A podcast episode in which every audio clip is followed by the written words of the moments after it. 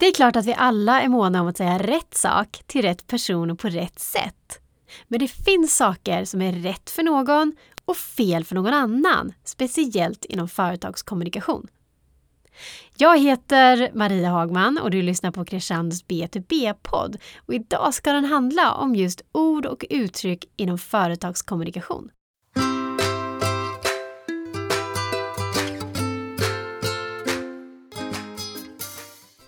Fredrik B Nilsson, Willem von Sydow och jag är alla tre skribenter på Crescendo. Välkommen hit killar! Tack så mycket! Tack, tack! Det här avsnittet är ett samtal mellan oss tre om just företagskommunikation. Det finns saker som vi tre tycker man ska låta bli och det finns saker som vi tycker man ska göra annorlunda inom företagskommunikation. Jag tänkte börja med någonting som jag tycker väldigt starkt illa om och det är förekomsten av emojis i företagskommunikation. Jag tycker inte ens om överanvändning av emojis i vanlig kommunikation men just i ett mer professionellt sammanhang så tycker inte jag att de hör hemma. Vad tycker ni? Håller ni med mig? Jag slinker väl in med att absolut överanvändning är också någonting jag stör mig på. Eh, det får liksom inte bli tusen kyssar och ett hjärta och eh, en ballong eh, bara för att du är glad för någonting i ett mail. Men däremot så skulle jag säga att ibland kan det vara en, en liksom liten förstärkare som visar att man har en välvillig inställning. Man kanske skriver någonting som utan den där emojin skulle uppfattas kanske som lite hårt. Och vi vet ju alla att olika människor är olika känsliga så att eh, ibland kan jag faktiskt göra det. Men då ska det vara i ett skede där jag faktiskt har haft en kommunikation med den här personen förut. Jag skulle inte inleda en mailkonversation med en emoji med någon jag inte känner till exempel. Och det, och det håller jag med om, om jag får bryta in. Eh, att just i första skedet eh, inte använda det. Men märker man att man får ett bra, en bra respons, till exempel i en mailkonversation, så kan man lägga in det sen. Men när det var bara smileys, så, så var det lite mer mjukare. Man, det var ett leende eller att man var, såg lite sjuk ut, man hade en, en rak mun. Och då, var det, då kunde man använda det lite mer eh, enkelt. Men det, men det har dragit iväg när det blir en rosa apa som skjuter blixtar. Och så, det ställer nästan mer frågor ibland än svar dessutom. Mm. Jag tänker på det som Ville sa. Att man använder en emoji för att mjuka det man nyss har skrivit. Och för mig som skribent så är det ju precis det som jag tycker man måste fokusera på. Du kan liksom inte skjuta på alla kanoner och formulera dig dåligt och plumpt och sen använda en emoji för att liksom förta det du nyss har skrivit. Du ska ju jobba på hur du uttrycker dig och hur du formulerar dig istället. Och sen måste jag ändå erkänna att på plattformar som Teams, i Slack och rena chattforum sådär, där använder jag faktiskt till och med emojis. Men jag kan tycka att det är lite en annan slags konversation, eller det är ändå en chatt. Men jag skulle aldrig använda en emoji i ett e-mail till exempel. Spännande. Ja, det, det är faktiskt inte mitt tillvägagångssätt när det gäller emojis. Jag använder dem i alla möjliga olika sammanhang men jag känner av temperaturen i rummet så att säga först. Eh, man märker ganska snabbt om någon, någon är mottaglig och framförallt om de själva har använt det förut. Jag, jag tycker att det kan vara faktiskt en, en fördel att använda det i vissa sammanhang. Men som sagt, det beror helt och hållet på när, var och hur. Och mängden är det ett sätt att bli mer kamratligt att använda emojis? Ja, jag tror faktiskt det. Absolut. Så ni tycker att jag borde ge mig?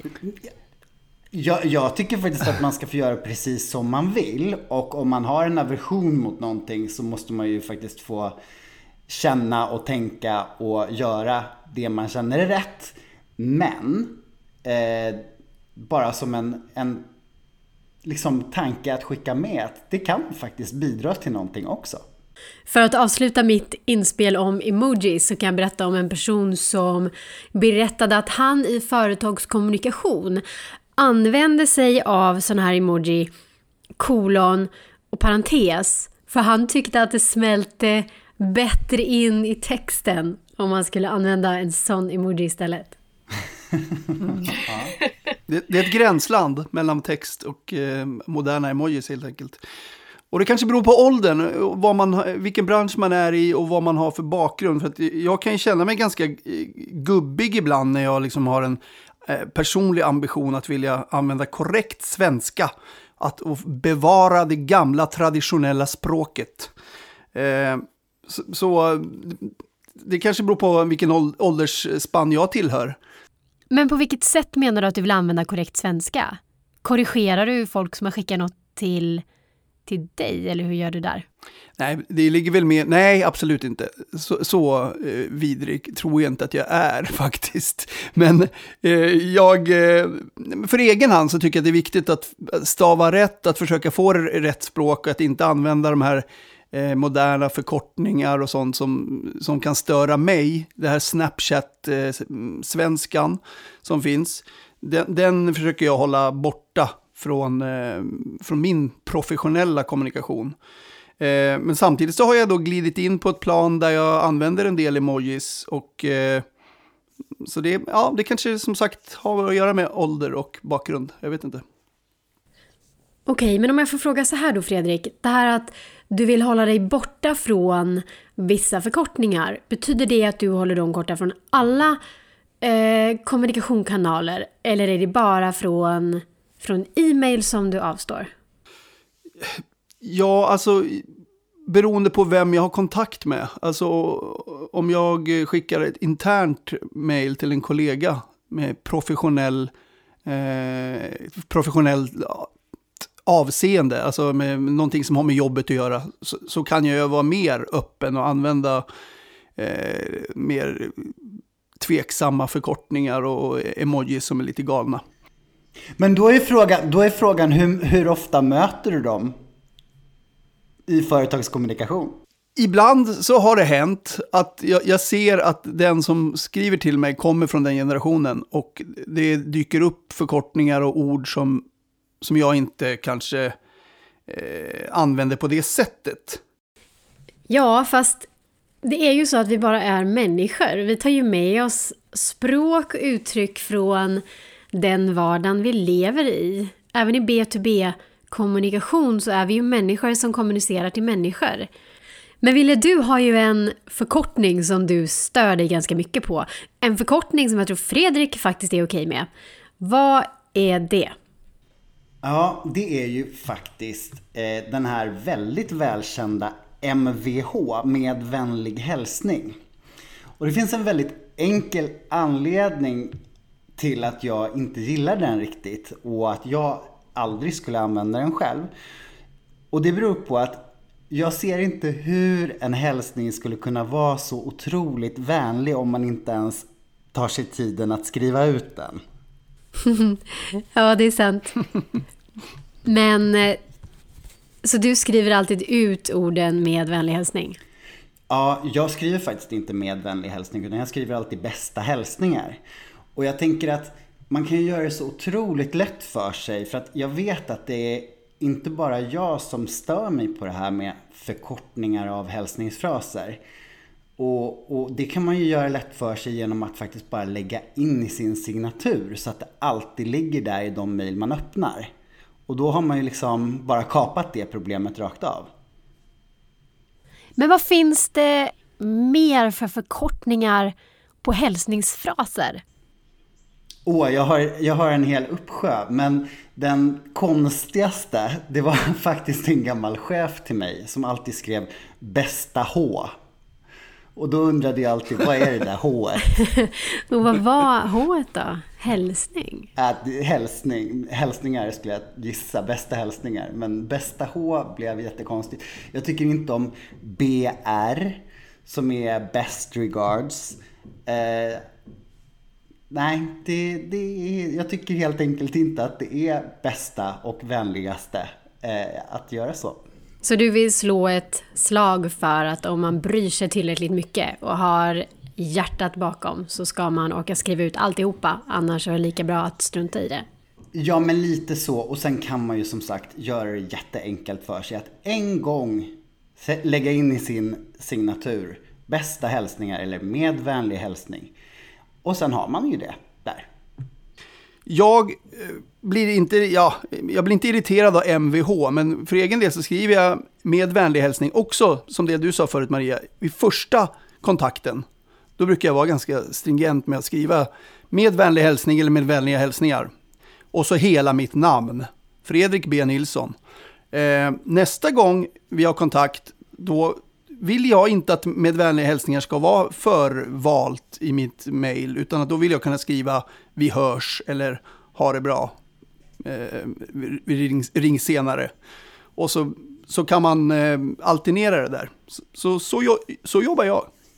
Mm. Eh, jag, jag, kan hålla med dig om att, att, när du väl har haft den här initiala och kanske lite stramare kontakten, för man vill ju faktiskt, som jag sa tidigare, kolla temperaturen lite. Hur, hur respondenten svarar. Eh, och, och, därefter så att säga anpassa din kommunikation. Eh, jag vill nog gärna ändra då. Jag heter ju Wilhelm von Sydow. Eh, och det skriver jag ut första gången, hela namnet. Men, men sen vill jag gärna vara Ville, som jag är med precis alla andra när jag pratar. Ja, just det. Men lösningen för dig kommer aldrig vara Mvh, Ville, smileyface? ja, definitivt inte smileyfacet. men, men, men jag har faktiskt inlagt bästa hälsningar Ville, för det är alltid så jag vill avsluta mina mejl. Ja, man kan ju ha en annan signatur när man svarar än när man har den där första kontakten. Ja. Men äm, vi är inne på att avsluta en konversation. Så vet jag att du ville ha någonting som handlar om att inleda en konversation, ett sätt som du verkligen inte tycker om. Kan du berätta om det? Ja, eh, det där knyter ju verkligen an till det eh, jag precis sa om att man vill kolla temperaturen och att man är inte riktigt bekant med den som sitter på andra änden. Och, och jag, jag, tycker att det är en fråga om att visa lite respekt också. Jag kan bli tokig när jag får ett telefonsamtal och någon ringer och säger Tjenare Wilhelm! Eh, för att det känns fruktansvärt ogenuint. Eh, jag känner inte den här personen, jag är absolut inte tjänare för dig och jag är inte Wilhelm för dig heller. Jag vet inte, är det någon, känner ni igen er i det här? Absolut. Ja, absolut! Istället för att bli vänligt inställd när de ringer och säger tjena tjena så blir jag ju mer störd. Och det är inte så de har tänkt sig när de använder det till tillvägagångssättet. Men då vill jag bara säga tack och lägga på. Mm, helt enig. Samma här. Mm. Då tänkte jag ta upp en sak som jag eh, tycker är irriterande i alla sammanhang men framförallt i företagskommunikation. Det är när man använder ordet känner istället för tycker. Till exempel, jag känner inte att den här budgeten är tillräcklig. Eller, jag känner att det har blivit fel här. För mig låter det så otroligt vagt och tveksamt.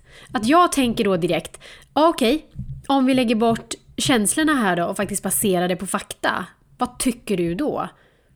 Och jag har ingen problem med att man är i kontakt med sina känslor, för det är ju bra. Men i ett företagssammanhang där man ska ha en åsikt, där tycker inte jag man ska vara rädd för att uttrycka vad man tycker. Håller ni med mig? Vad tycker ni? Vad känner ni?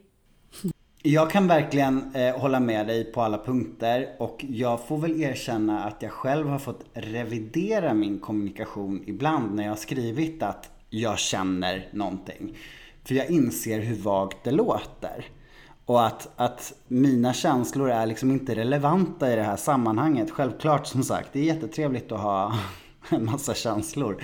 Men de behöver inte eh, så att säga förväxlas med en åsikt.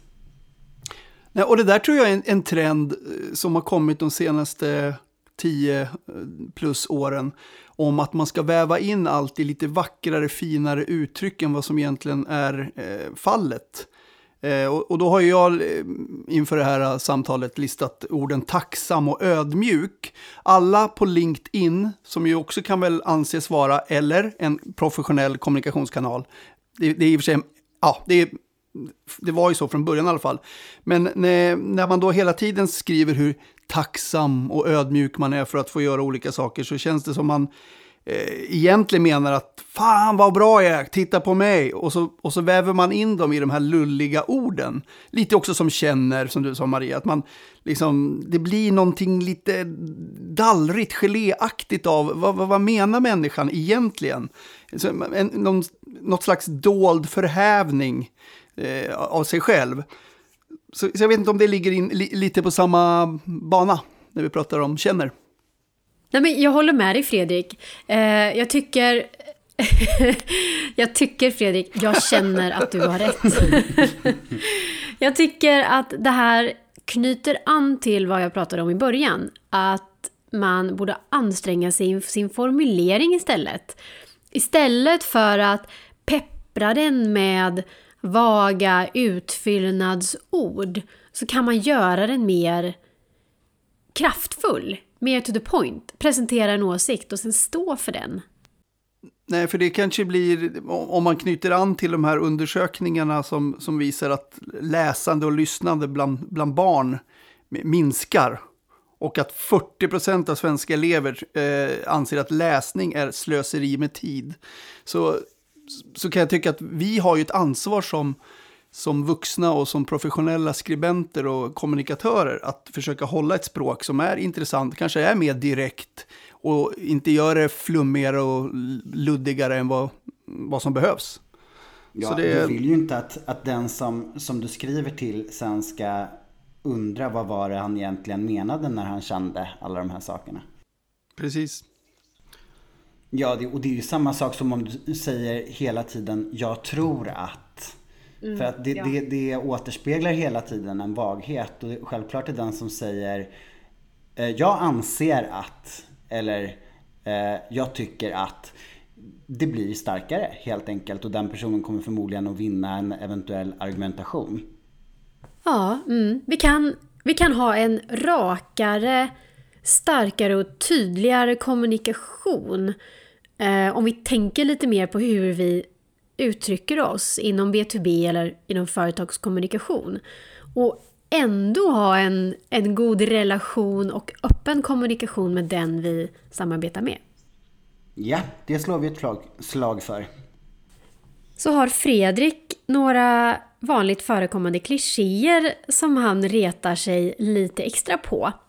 Så kan finaste kollegan Bästa Fredrik, berätta vilka det här är. Ja, det var väl lite av dem du nämnde just nu. Eh, nej, men det har väl också blivit något som har, det har gått inflation i. att eh, Det finaste bästa Ville här nu eh, eh, ska få en styrkekram för att han ödmjukt har Känt någonting. Ja, känt någonting i den här podden.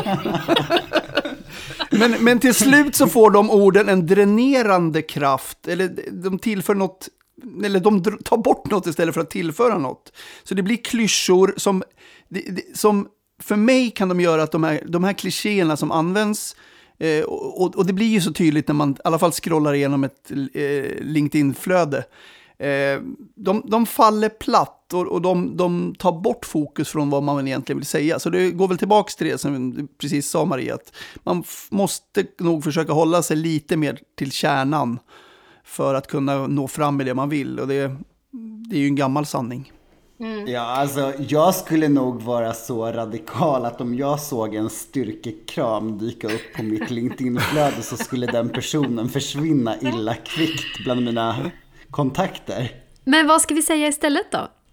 Ja, om det är någonting jobbigt som har hänt, vilket jag kanske inte tycker att det dryftas så mycket om på just LinkedIn.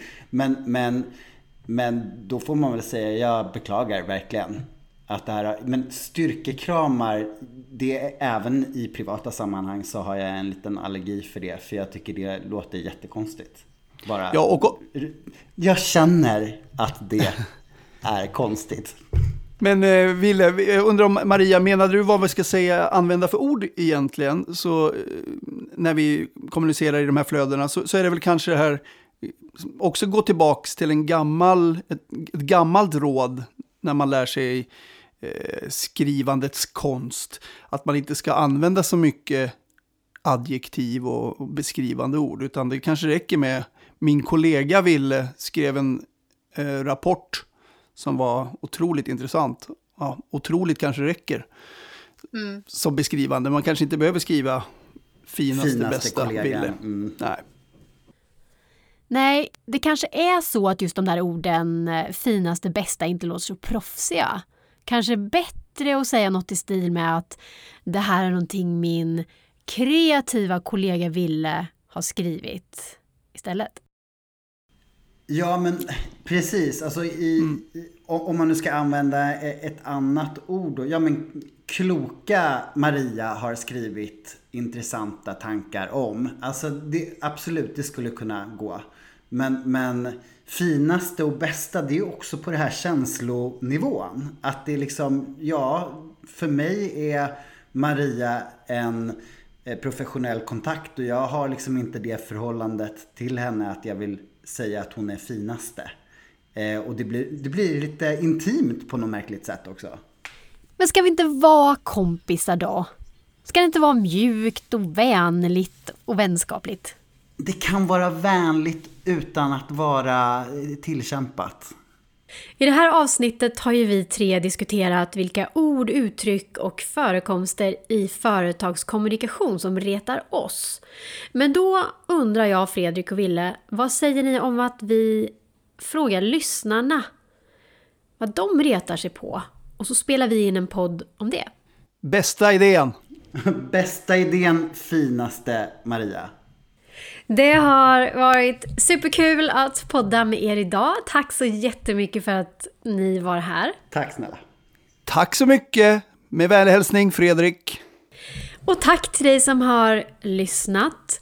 Du hittar fler avsnitt av Crescendos B2B-podd och mer inspiration och information om B2B-marknadsföring på vår sajt crescendo.se.